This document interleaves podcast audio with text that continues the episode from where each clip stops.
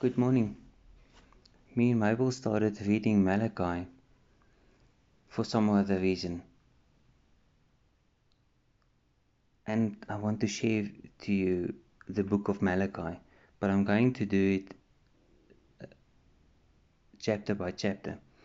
And today I'm starting with Malachi 1, and I want to read to you from verse 6.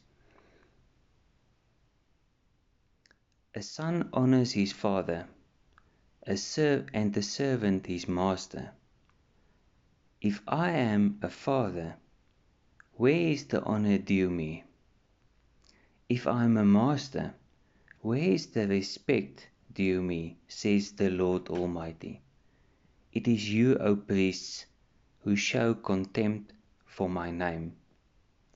But you ask, How have we shown contempt for your name? And then God answers them, You place defiled food on my altar.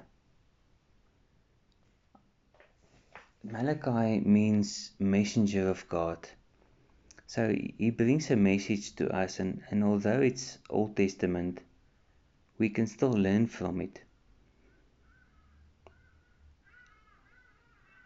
We give our our tithing, we give our offering every month, every Sunday that we go to church. But I know how it goes.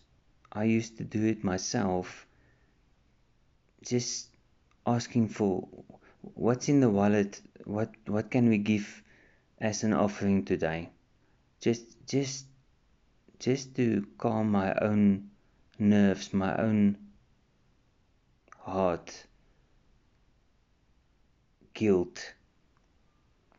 This is this is not about money all the time. This I see more than more, more in a time action, a time frame. How much how much of your first fruits of your of your energetic self do you give to God? And how much of your of your lazy self do you give to him? I want you to think about it. Are you are you energetic when you come to, to God to have your your your alone time with him? Or is it just something that you need to do? Are you giving to church because that's what everybody else does? Or are you giving to church because that's what God requires of you? Are you giving out of a thankful heart? Think about the time that you spent with God. Is it your first fruits or is it the fruits that's left on the field for the poor to carry away?